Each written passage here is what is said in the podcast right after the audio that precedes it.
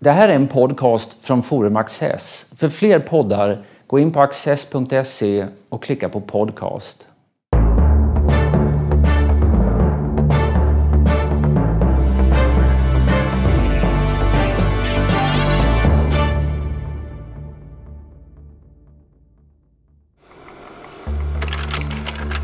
Bröderna Goncourt, Edmond och Jules förknippas framförallt med Frankrikes mest ansedda litterära pris, Goncourtpriset och med sina dagböcker, skrivna för senare utgivning, rika på detaljer och färger, på uppsnappade repliker och exakt skisserade karaktäristiker av personer och miljöer. Med dagböckerna ville bröderna lämna ett bidrag till århundradets andliga historia och har också gjort det. På boksidorna träder tiden fram med sina omhuldade föreställningar, sina rädslor och förhoppningar, sina seder och osedligheter. Lena Kåreland, professor i litteraturvetenskap vid Uppsala universitet, samtalar med Peter Luttersson. Om man hör namnet Goncourt idag så är det oftast ett pris det handlar om. Jo, så är det väl. Eh, och jag förstår att du tänker på Le Prix Goncourt som ju delas ut i Frankrike varje år i november. Och det är ju då ett pris som startades av två bröder som stod varandra väldigt nära, Edmond och Jules Goncourt. Och som levde på 1800-talet. Just det, ja. Den äldste brodern Edmond dog ju 1896 tror jag.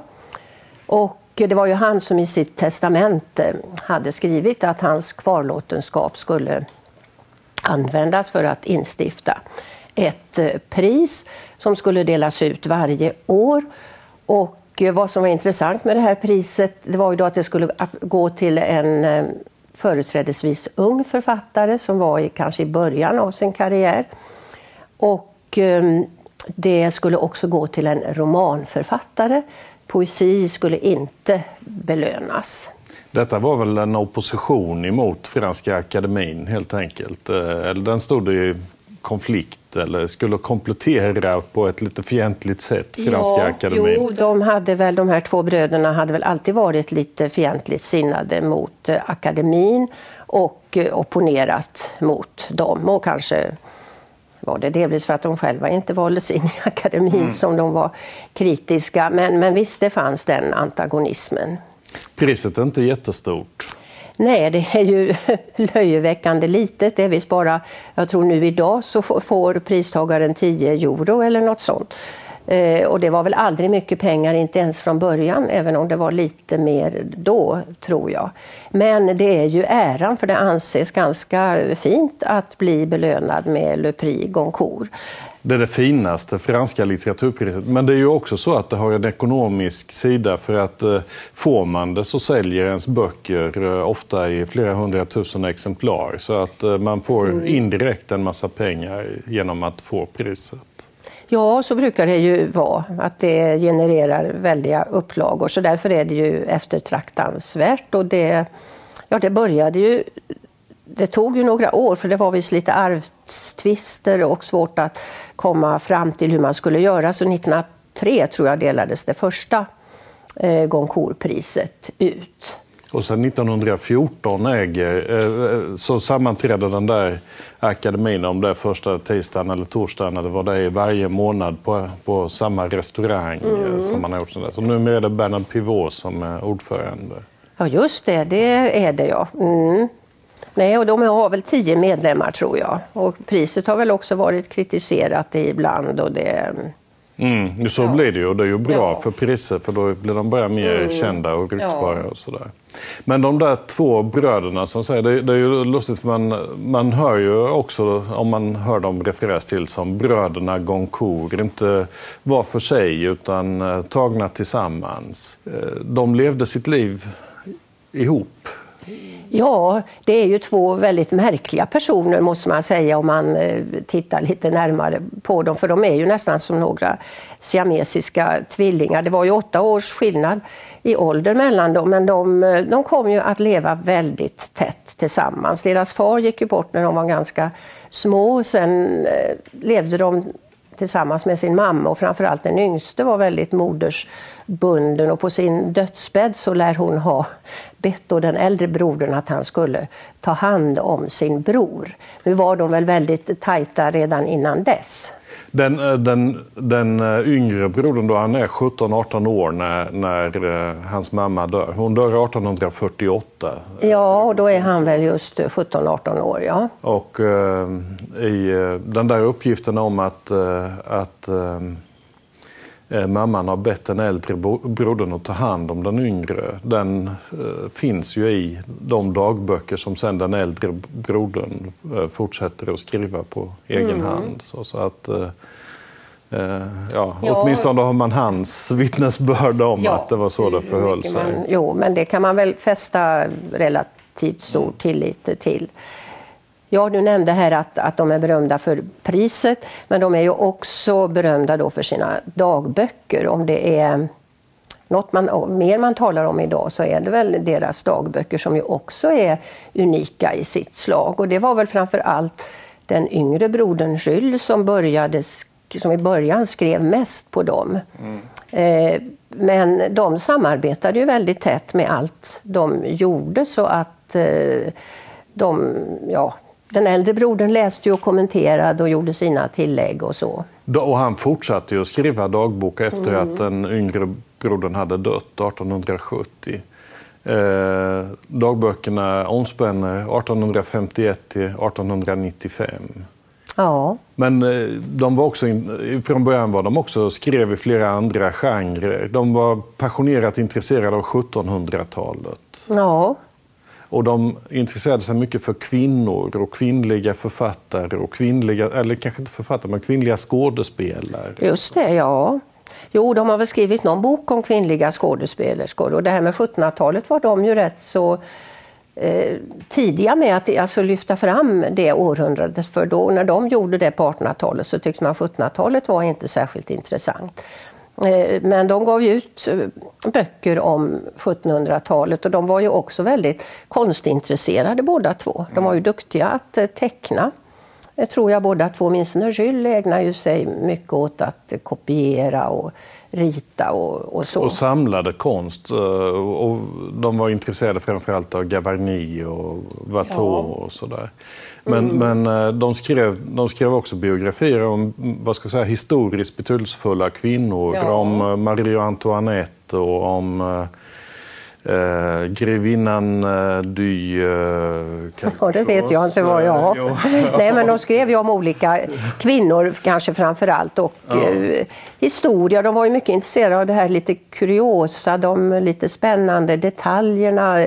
De var ju väldigt minutiösa som forskare, eller de samlade ju in material, satt mycket på bibliotek och eh, gjorde arkivstudier och så, så det är väldigt eh, väl dokumenterat. De här mera, då ska vi säga, typ faktaböcker som de då skriver. De kommenterar den affärsmässiga sidan av det där någon gång i dagböckerna också. Att eh, de säger att nu har de fått ut en bok och av den, för den fick de si och så mycket av en förläggare. Och det var ganska lite pengar. Jag kommer mm. inte ihåg mm. något belopp sådär. Men Eh, säger de att eh, den lilla inkomst de får den måste man lägga för den stora kostnad de har fått därför att de har varit tvungna att köpa två eller tre tusen brev från 1700-talet för att kunna skriva sin bok. Så mm. De var ekonomiskt oberoende i alla fall. Ja, de fick väl så pass mycket arv efter sin mamma så att de behövde ju inte tjäna pengar och det gjorde ju att de kunde leva då ett ganska lyxigt liv kan man tycka kanske och ägna sig åt det som intresserade dem och det var ju litteratur och eh, konst. Men, men det här, deras kärlek till 1700-talet det står också mot att eh, de har en ganska negativ inställning till franska revolutionen till exempel. Eh, mm. I dagböckerna kommer det där fram flera gånger. Framförallt naturligtvis under Pariskommunen och, och där, då är den yngre ja. brodern redan död. Mm. Men, men Edmond som skriver om att eh, det där det, det stinker av dumhet och det är ett eh, kaos av blod och var ingenting annat än det. Och att 1789 är ett ödesdigert år och så. Jo, man får väl säga att de är väl förhållandevis ganska konservativa. De är ju också rätt ointresserade av politik, men de är ju negativa till eh, den samtid de lever i och de tycker att eh, det här med republiken ser de ju som något eh, förskräckligt. Det är ingenting att ha och eh, jämlikhet tycker de inte heller är något att sträva efter har de också uttryckt på ett Det är mot naturen? Ja, så kanske de säger att det är mot naturen. Ja, så att de är ju... Ja, de är ju inte några radikala personer. För det, 1789, jag tror att de uppfattade också som att det den goda smaken och det estetiska raffinemanget och så, det är det som går under med 1789. Mm. Ja, och de är ju fullblodsesteter på många sätt. De är ju finsmakare och du nämnde tidigare, de, vill, de köper ju in mycket konst och vackra möbler och glas och porslin och de bosätter sig ju sen efter ett tag. Där lever väl inte den yngste Jules särskilt länge men de köper ju ett hus i Auteuil som ligger i ja, Paris. 1800, 1868 för 83 000 franc. Jaha, det var mer än jag visste. Ja, jag vet inte om det var dyrt eller billigt. Det, var det vet inte jag heller. Jag, det... Nej. Och de gav ut en bok om det där huset i ja. två band. Mm. Uh, och det var väl Edmond som gjorde det då senare? Det måste det ju ha varit. Det har jag inte ja. reflekterat Nej, över. Men, men så måste det ju vara. Det och där ju, går de fram ja. rum för rum. Och, och, eller han, när han beskriver det där huset. Och det handlar just om, du nämnde porslin och persiska mattor mm. och tapeter och gobelänger ja. och bronser. Mm. Och, och det japanska var de ju också Japan, intresserade av. I trappan var det japanskt. Och sen högst upp så på vindsvåningen, Le Grenier, så längre fram då när Edmond levde ensam så började ju han träffa sina vänner där. Så att eh, man talade om, eh, det blev liksom en slags eh, Ja, det fanns ju många sådana här sällskap. Sola hade, träffade ju sina vänner och kollegor och dit hörde ju också bröderna Goncourt delvis i eh, Medan. Men eh, Grenier blev ju då under ett antal år en träffpunkt för författare. Och som väl är en utgångspunkt för den där Goncourt-akademin som delar ut priset? Då. Ja, det tror jag också att det började eh, där. Det är väl helt, helt riktigt. Solar var en av eh, deras vänner. Vet, I dagböckerna där så skriver de om Solar att, eh, att han blev så olycklig när han får framgång. Att han eh, mådde bättre så länge han var obemärkt och det gick dåligt för honom. Men ja. sen slår hans svårmod till. Och, ångesten över att han då på något sätt förväntas och producera saker som är originella och nya och ännu bättre och sådär. Mm. Och att han plågas svårt av, av den här fullbordans melankoli, att allting redan är gjort. Ja, Ja, de har ju många gånger ganska fina analyser av, av, sina kollegor men de är ju också väldigt elaka och bitska och satiriska. De kan ju eh, hudflänga folk också. Själva led de väl lite av detta att de, de ju inte blev så framgångsrika som de hade önskat. Deras romaner slog ju inte så väldigt stort. De fick ju ja, de fick väl kanske lite framgång och de blev recenserade men de fick ju också eh, kritik. De var ju inga stora namn så. De sålde inte i stora upplagor och det, eh, de säger ju då också att publiken kan man inte vänta sig något av dem har inget förstånd och inget begrepp. Massan är ju dum. Där delar de ju Flauberts inställning att eh, ja, det här med demokrati är ingenting och de flesta män, dumheten är väldigt utbredd. De umgicks också mycket med Flaubert och brukade äta söndagsmiddag hos honom. Han hade ju någon våning i Paris, även om han ju då mest bodde i Normandie. Det finns ju många episoder med Flaubert i dagböckerna också. Mm. Och, och eh, där finns ju föreställningen att ja, Flaubert han är precis som de själva. Han är, han är pedantiskt noga med formuleringar och han, mm. han utöva någon slags ren konst, precis som de själva eftersträvar. Ja. Mm. Och de säger det att när, när Flaubert och vi är döda så, så kommer detta att ha upphört. Då finns det inte kvar. Man får väl tänka sig att det är 1700-talet. Ja, ja, jo, de ser väl inte särskilt ljus på framtiden.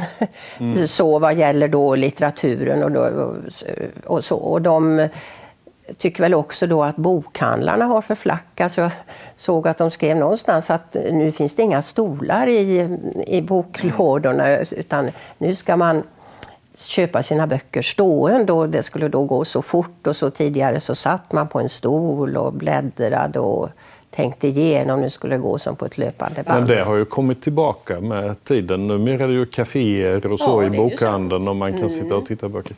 En annan sak de reagerar mot det är ju just kommersialiseringen av... De säger någonstans att som författare så förväntas man vara ute och springa med sin bok på ja, alla möjliga ställen. Att man, mm. man blir en dräng åt sin Ja, man ska vara sin egen lakej. Framgångslakej. Ja, ja. Och det kan man ju tänka på idag gäller det ju att promota sig själv. Och, I största så, utsträckning. Ja, så att, um, Men sen finns det ju, alltså en annan som porträtteras är ju uh, Alexander Dumas. Ja. Eh, och som ju ofta är väldigt elaka karaktäristiker av mm. i, i dagböckerna. Han är, han är framgångsrik, men som bröderna Goncourt ser det så är han framgångsrik därför att han är medioker på det där mm. till, publikt tilltalande sättet. Ja, han, han lägger sig på en så banal nivå så att mm. premiärpubliken förstår sig på vad, vad han sysslar med. Och där finns en, där finns en episod när, när eh, de skildrar hur Dumas, när han precis har blivit ny akademiledamot eh, eh, för Flaubert och bröderna Goncourt, eh, eller det kanske bara är Edmond då, ja, säger hur man ska bära sig åt för att bli en framgångsrik författare i en ton av nedlåtenhet och ömkan. Mm. Och eh, det är naturligtvis oerhört kränkande för, ja. för dem. De kunde väl såra människor i eh, hög grad säkerligen och de uttrycker sig ofta väldigt nedlåtande om eh, kvinnor och så. Deras, de har ju en ganska negativ syn på kvinnan. Det sägs ju också att de, ja, de delade ju allt, de levde tillsammans. Det skriver de ju också om hur de och de delade till och med på sina älskarinnor. De hade mm. samma älskarinna och så. så att det, ibland kan man ju tycka att det är väldigt, eh, ja, ett något eh, bisarrt förhållande. Det är, man har ju aldrig hört talas om en liknande författarpar. Nej. Varken förr eller senare. Nej, de delar ju allt. Bostad, mm, arbete, ja. tankar eh, ja, och så vidare. Ja. Men just den här negativa inställningen till kvinnor om man tittar på deras romaner så är de ju nästan alla namngivna efter kvinnliga ja, huvudpersoner. Så. Kvinnorna intresserar ju dem och de vill ju också lyfta fram då kvinnor från det lägre mm. ståndet. Man talar om det fjärde ståndet. Och en roman som väl är ganska berömd eh, är ju den här Germinie Lacerteux mm. som eh, de ju skrev tillsammans. Den kom väl 1865 eller något sånt tror jag, på 60 talet och den anses ju vara en, en av de första då naturalistiska romanerna för här skriver de ju om en tjänstekvinnas liv och det är ju ett väldigt eh, depraverande liv som hon lever och det bygger ju också på en eh, verklig händelse som de har fått sig berättad. Det handlar väl delvis om en tjänstekvinna som de själva hade som de stod väldigt nära. Hon hade tidigare varit anställd hos deras mor så de tog över henne så att säga. Och sen när hon dog och de engagerade sig då i hennes sjukdom och, och så, så fick de veta att hon hade ju levt något dubbelliv och spelat dubbelt med dem. Hon hade förskingrat pengar, hon hade haft älskare, hon hade haft oäkta barn som de inte visste någonting om och hon hade då ja, rent av stulit från dem. Och då började de intressera sig för detta och sen sägs det då att delvis med utgångspunkt från detta så skrev de den här romanen. Mm. Och där har de också ett ganska intressant förord där de eh, så att säga jag skriver att det här är något nytt, det här är något annorlunda, men det kommer nu, där de också kritiserar sin publik och menar att det kommer inte publiken att förstå, för de är vana vid sippra, ekivoka, mm. romantiska romaner. De kommer inte att begripa sig på den här. Det är också lite utmanande att nedvärdera sina läsare på det sättet. Men det gör de ju konsekvent ja, i allt de, de ja. säger. Men, och, men det du sa om den här negativa kvinnosynen, den, den får ju många uttryck i dagböckerna. Och ja. Tittar man när Sverige någon gång eh, eh fläktar förbi i de där dagböckerna så är det till exempel när de läser en artikel av Strindberg i kvinnofrågan, eller en Bond gör det, mm. och instämmer kraftfullt i ja. Strindbergs jo. synpunkter. Så. Eh, det kan man förstå. det ligger ju nära till hands, ja när, när de här dagböckerna, de, de började då skrivas 1851. Ja. Men sen, eh, sen började de ges ut. Om det var 1887. Ja, Edmond började väl ge ut några i, i slutet av sitt liv. Ja. Mm. Och sen kommer de efter en. Men då mötte de kritik just därför att ja. de var så frispråkiga och man får ju på något sätt den intellektuella eliten i eh, Frankrike i ett eh, väldigt osensurerat ja, skick jo. eller vad man ska säga. Och de är ju intressanta på det sättet. Man kan ju då tycka kanske att de är väldigt skvalleraktiga och att det är ointressanta detaljer som lyfts fram. Men samtidigt så är de ju både historiskt och kulturellt och sociologiskt intressanta för de ger ju en bild av hur eh, författare, alltså det litterära livet och hur man umgicks och, och så. Så man får ju många inblickar. Ibland är det ju ganska rörande också som när Edmond, och du var ju inne på det tidigare, 1800 70 då med tysk-franska kriget och kommunen. Då sörjer han ju sin bror och han går omkring i Paris och hör kanondunder. Och, och där får man ju en bild av den här väldigt svåra och förödande tiden i Frankrikes historia.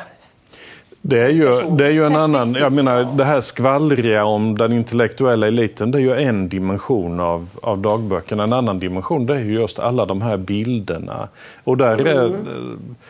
när, när, kriget rycker närmare mot eh, Paris och han går runt och ser hur man lastar ner konstverken ifrån Louvren för att de ska ja. föras ut och mm. sättas i säkerhet. Och, rekryterna som kommer in och är glada men ska gå ut och dö och flyktingarna från mm. norr som strömmar in i staden och alla kvinnor som blir prostituerade. Och ja, och den dåliga maten, man får äta dåligt kött och det ser så oaptitligt och de rika, som mm. de själva, de kan köpa väldigt kuriösa saker eftersom det är dåligt skött till exempel flodd snabel ifrån en elefant på zoo. Ja. Mm.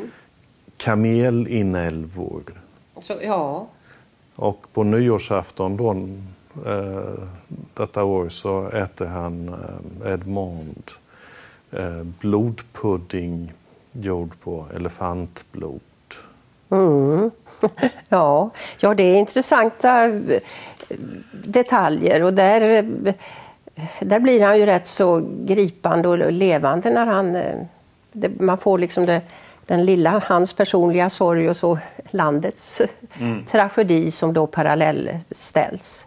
Annars om man tänker på de här romanerna när de skriver då om fattigdom och den här Germanie Lassertö och så, så är det ju ändå en, man, de ansåg ju då att de lanserade naturalismen före Zola. Mm. Men det är ju ändå en viss skillnad mellan Zolas böcker som har ett annat engagemang, en annan kunskap om de människor han skriver om. För de här bröderna blir ju... Avståndet är så oerhört stort. Ja, ja. och det blir något exotiskt alltså det, och det blir något estetiskt. Man ser på det, man skildrar det. Ja, alltså man beskriver väldigt råa, hårda villkor men man gör det ju på en väldigt manierad estetisk stil så att det blir en slags krock mellan stil och innehåll i det de skriver som man kan förnimma tycker jag. De kan ju gilla vad ska vi säga, att håna sällskapslivet och dess eh, konventioner, tomma åtbörder och sådär. Men samtidigt så finns ju en självklarhet i att delta i det här där man äter korsikanska trastar och beckasiner i champagnesås och så. Ja, jo, de är väl ganska, det finns ju en dubbelhet i detta. Samtidigt så kritiserar de det, men de vill vara med i det fina livet också. De umgås ju mycket i den här prinsessan Matildes salong. Mm. hon som väl var släkt med kejsaren och så. Alltså hon tyckte ju till exempel att Germanie Lacerteux var en vidrig bok. Hon hade velat kräkas när hon läste den, skriver hon till dem. Mm. Men dagboksgenren den kan ju också möjligen kopplas till deras intresse för 1700-talet. Eh, mm, om man tar de där Pipis och Boswells eh, dagböcker mm. och så. Eh, sådant. Ja. Det är ändå en litterärt väldigt levande och kraftfull genre, tycker jag. Jo, men de är ju intressanta att läsa faktiskt. Det är de ju och det är ju roligt att se vad de skriver om, om olika författare och så. De är ju också själva medvetna om att de är särlingar och det tänkte jag, det, om jag kunde läsa upp ett litet citat här så skulle jag säga så här, de skriver, eh, tror jag, vet inte vem utav dem, de säger så här, jag tror att det sedan världens begynnelse knappast funnits några levande varelser så uppslukade av, så försänkta som vi i sådant som rör konst och intelligens. Det är böcker, teckningar, gravyrer som begränsar synranden för oss. Att bläddra och betrakta, detta utgör hela vår tillvaro. Vi är fullkomligt blottade på sådana lidelser som kunna driva en människa ut från ett bibliotek eller från ett museum. Den politiska ärelystnaden är för oss något fullkomligt okänt och kärleken icke annat än beröringen mellan två överhudar. Mm. Där ger de en ja, självkaraktäristik som ju av, fångar... Eh, mycket av deras ja. Eh, stämning och sätt mm. att resonera. Ehm, och en del av de där dragen blev väldigt tydliga då under Paris kommun. När de, där finns ju andra karaktäristiker av de här ledarna för kommunen. Ja, de men, har de ju inte mycket till övers för, MacMahon och... Nej, de har inte mycket. Och, och man, man, är rädd för vissa saker. De, de kan berätta att Venus från, från, Milo är det någon som har gömt på en polisstation. För man är rädda för att Courbet ska låta slå sönder den. Och, mm. och de citerar något samtal med Verlain som, eh, som har fått någon post som press eh, sekreterare mm. eller någonting sånt där. Som gör gällande att han eh, själv har sett till att eh, planer på att riva Notre Dame inte kommer sättas i verket. Mm. Så för dem är detta en, en verklighet som handlar mycket om att, att saker från det förgångna inte ska få förstöras. Ja, tingen blir ju på något sätt viktigare än människorna eh, för dem. Mm. Som man kan som det framstår många gånger. Och demokrati i deras bemärkelse, det, det är bara egentligen pöbelvälde? Och... Ja, det har de ju ingen, ingen förståelse för. Så det är klart, det är väl mycket som vi kan tycka är negativt hos dem, men de fascinerar ju. Så är det, man kan inte läsa böcker bara för att känna igen sina egna uppfattningar. Det är en, det är en dum uppfattning i vår samtid att det är sådana böcker man ska ja, hålla sig till. Absolut, det håller jag med om. Tack så mycket. Ja, tack själv.